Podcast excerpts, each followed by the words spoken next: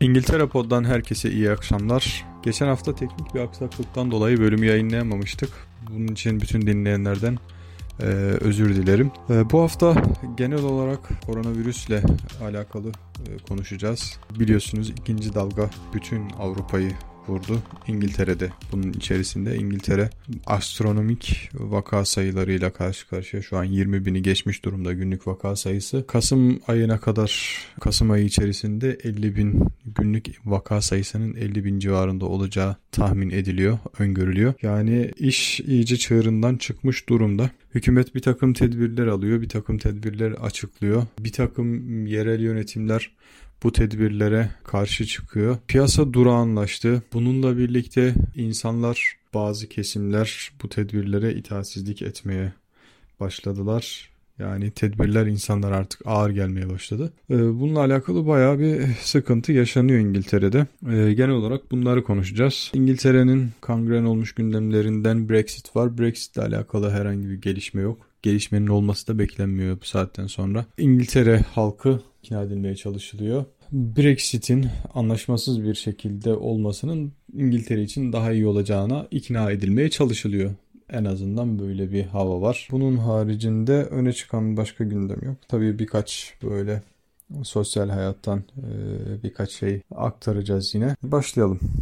Şimdi gündem maddelerimizden ilki test and trace dedikleri yani Türkiye'de filyasyon olarak adlandırdığımız tanı ve takip sistemi, koronavirüse karşı tanı ve takip sistemi. Bununla alakalı Gölge Sağlık Bakanı İngiltere hükümetini ve özellikle de Sağlık Bakanı'nı ağır bir şekilde eleştiriyor. Bunun sebebi de şu. Bu Test and Trace ekibi 40 kişiden oluşan uzmanlar ekibine İngiltere hükümeti astronomik paralar ödemiş. Ee, ne kadar ödemiş? Şu ana kadar 12 milyon pound ödenmiş 40 kişiye. Bu da çalıştıkları yani bu te, tanı ve takip sistemine başladıkları dönemden bugüne kadar hesaplandığında her birine günlük 7000 pound yani hani çok büyük bir para ödeme yapılmış e, demek oluyor bu. Ve işin trajik tarafı şu tanı ve takip sistemini İngiltere başaramadı.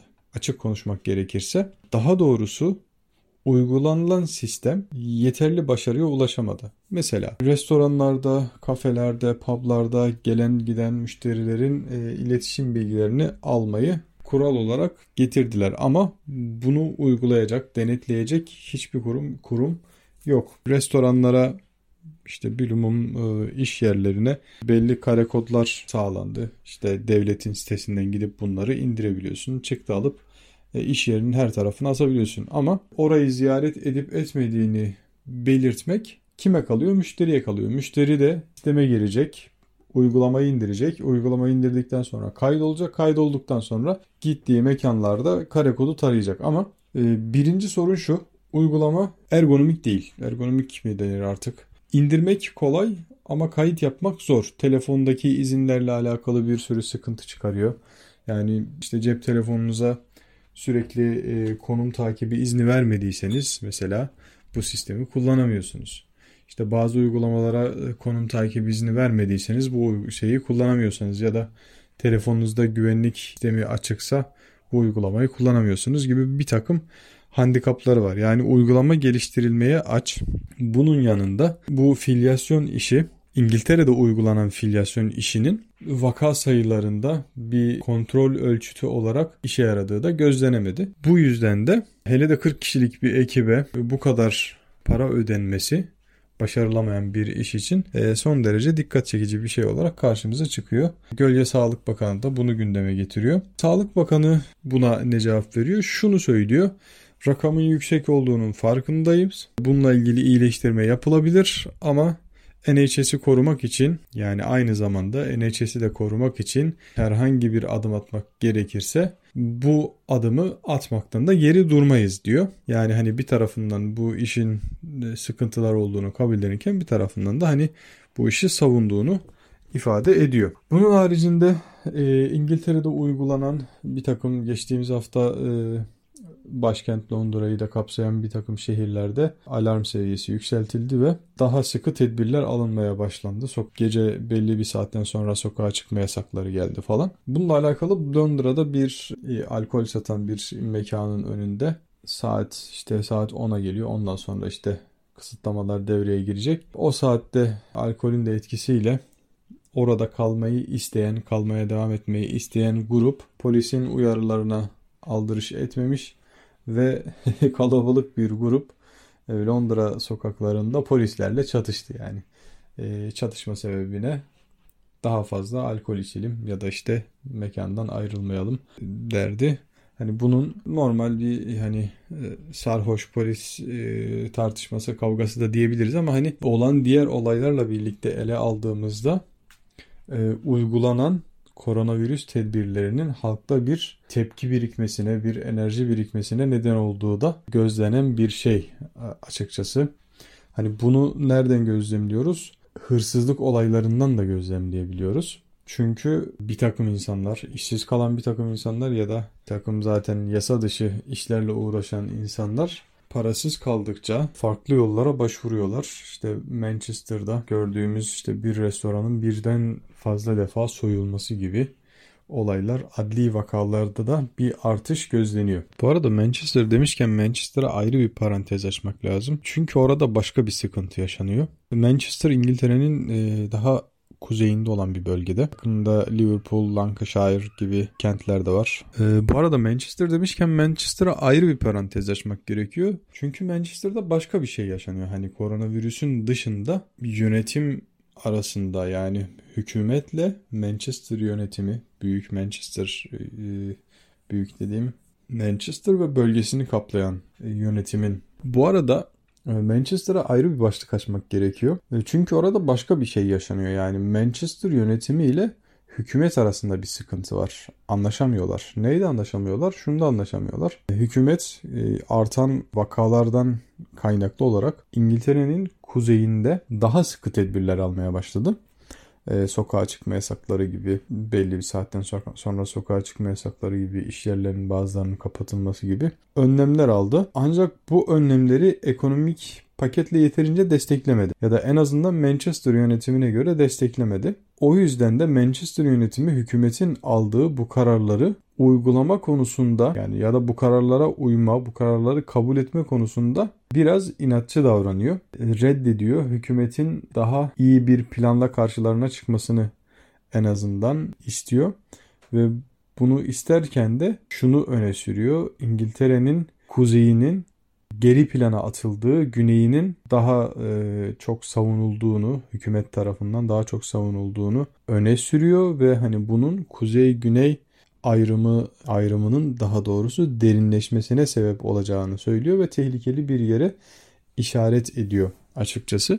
Manchester'ın belediye başkanı, e, yöneticisi İşçi Partisi'nden Andy, Dar Andy Burnham e, eski bir bakan kendisi ayrıca. Biliyorsunuz hükümette muhafazakar partide siyasi görüş olarak, bakış açısı olarak da birbirlerine rakip olan iki yapıdan bahsediyoruz. Başbakan Johnson geçtiğimiz günlerde bir televizyon programında Manchester Belediye Başkanı Burnham'ı e, sert bir dille eleştirmişti ve alınan tedbirlerin uygulanmadığı takdirde çok daha sıkı tedbirlerin Manchester'da zorla uygulanacağı gibi bir tehdidi de e, ifade etti. E, Manchester Belediyesi ya da Manchester yönetimi ne istiyor dersek ekonomik paketin daha iyileştirilmesini istiyor. Mesela e, koronavirüs salgını başladığında işte Mart ayının e, sonuna doğru hükümet bir ekonomik destek paketi açıkladı. O pakette işte e, kapanan iş yerlerinin işçileri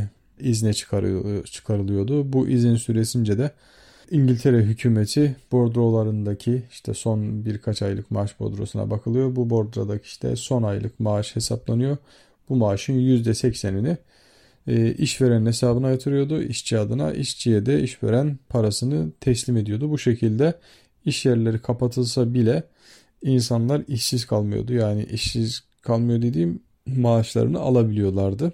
En azından %80'ini alabiliyorlardı. Bu uygulama sürdürüldü ve Ekim ayında Temmuz'da bir kısmı bitirildi. Kademeli olarak uygulama şu anda bitirilmiş durumda. Part-time'a döndü. Part-time çalışıp devlet bir kısmını ödüyor, bir kısmını da işveren ödüyor şekline çevrildi. Ama tamamen işçiyi izne gönderip maaşını devletin en azından %80'ini devletin ödemesi uygulaması durduruldu.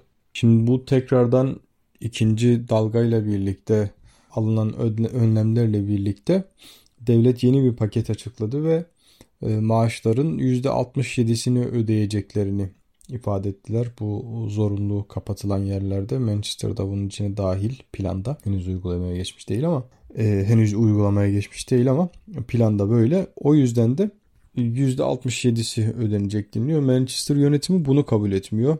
E, zaten zor olan işletmelerin ve insanların, yaşayan insanların, çalışanların zor durumda olduğunu, bu açıklanan paketin yetersiz olduğunu ve insanları olumsuz etkileyeceğini, maddi ve manevi olarak olumsuz etkileyeceğini ifade ediyor. Manevi olarak e, olumsuz etkiliyor kısmına özellikle söyledim. Birazdan ona değineceğim. E, bununla bunun dışında Andy Burnham'a İşçi Partisi menşeili bir siyasetçi. Muhafazakar Parti'den bazı eleştiriler var. O da biraz şahsi eleştiri. Daha çok hani bel altı vurmak gibi mi diyelim. Ama biraz kendisinin de açığı var. Şöyle milletvekiliyken Londra'da oturduğu evi sonrasında milletvekillerine tanınan bir hakla birlikte o hakkı kullanarak ucuza alıyor. Hatta işte ödediği 43 bin pound gibi bir rakamı da tekrardan işte e, başvurup kendisine iade alıyor falan. Hani böyle bir şeyler yapmış. E, bu bahsettiğim Londra'daki ikinci evi. İnsanlar da muhafazakar partideki insanlar da şu eleştiriyi getiriyorlar Andy Burnham'a. Madem kuzeyin hakkını bu kadar savunuyorsun senin evlerin niye Londra'da yani yatırımlarını niye Londra'ya yapıyorsun gibi bir tezle karşılarına çıkıyorlar. Hani bu çok altı doldurulacak çok hani Andy Burnham'ı köşeye sıkıştıracak bir şey değil ama böyle de bir e, olay var. Bunun dışında az önce söylediğim gibi insanları manevi olarak da olumsuz etkileyeceğini söylüyor Andy Burnham bu kısıtlamaların. Nasıl işte bölgeleri bölgesel olarak işte Manchester, Liverpool ve Lancashire diğer iki büyük civar şehir bu hükümetin artırılmış, sıkılaştırılmış önlem planını kabul ettiler. Uygulamaya başladılar ama Manchester hala direniyor. Manchester hala yuvala ile bu tedbirlerin duyurulmasını ve uygulanmasını zaten sıkıntıda olan insanları daha da gereceğini ve insanların akıl sağlığını olumsuz yönde etkileyeceğini etkileyeceğini ileri sürüyor. Böyle de bir savı var. Altını ne kadar bilimsel olarak dolduruyor ne kadar dolduramıyor bilemiyoruz ama böyle bir şeyi de dile getiriyor. Bakalım yani hani hükümetle Manchester yönetimi arasında bir gerilim var. Manchester yönetimi yalnız da değil. Hükümeti koronavirüs tedbirleri konusunda sıkı şekilde eleştiren muhalefet partisi, işçi partisi de kendi partisinden olan Manchester Belediye Başkanı Burnham'a sahip çıkıyorlar. Hatta Cuma günü yanılmıyorsam geçtiğimiz Cuma günü Başbakan Boris Johnson'un ofisiyle Andy Burnham'ın ofisi bu ıı, tedbirleri konuşmak üzere bir telefon görüşmesi planlıyorlar. Ama görüşme saatinde Andy Burnham'ın ofisi başbakanın telefon aramasına cevap vermiyor. Sonra e, kısa süre sonra 20 işçi partili milletvekiliyle başka bir bakın, basın açıklaması yapıp hükümeti eleştiriyor. Böyle şeylerde hani e, tırnak içerisinde ayak oyunları diyebileceğimiz ince hareketler de yapılıyor. Ee, Jeremy Corbyn'e kısa bir parantez açalım. İşçi Partisi'nin eski lideri Jeremy Corbyn İkinci defa koronavirüs tedbirlerini, koronavirüs e, kısıtlamalarını delmekle suçlanıyor. E, biraz da hicvedilerek e, şey yapılıyor, ifade ediliyor. Geçtiğimiz günlerde bir akşam yemeği partisine katıldığı için 6 kişi kısıtlaması kuralını çiğneyen e, eski iş, işçi partisi lideri Jeremy Corbyn e, özür dilemek zorunda kalmıştı. Bugünlerde de yine bu sefer daha kalabalık Wall Street'i işgal et eylemlerinin yıl dönümünü kutlamak için toplanan 100 kişilik bir ekiple bir araya gelmiş. Bir anma toplantısına katılmış. Eleştiri oklarının hedefi haline geldi. Az önce bahsettiğimiz e, konulardan birine geri dönecek olursak bu e, suç oranındaki artma ile alakalı e, bir şeylerden bahsetmiştik. İşte bu koronavirüs tedbirlerinin, sokağa çıkma yasaklarının e, insanları olumsuz etkilediği ile alakalı bir şeyler söylemiştik. Bununla ilgili Express e, gazetesi bir haber yapmış ve özellikle e, silahla işlenen suçlarda ciddi bir artış olduğunu ifade ediyor ve onlar da bunu lockdown'a bağlıyorlar. Geçtiğimiz yıla oranla %25'lik bir artış meydana gelmiş. En son Telford bölgesinde 20 yaşındaki bir genç silahla vurularak öldürülmüş.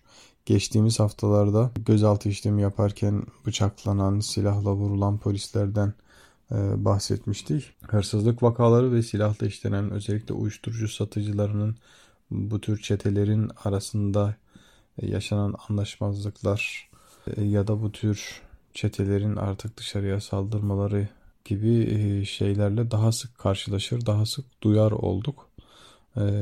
Bu da toplumun psikolojisini gelen genel olarak ya da bireysel olarak olumsuz etkiliyor diyebiliriz. Hali hazırda da etkiledi diyebiliriz. Bu hafta genel olarak koronavirüsü konuştuk. Brexit ile alakalı bir gelişme olmadığını söyledik.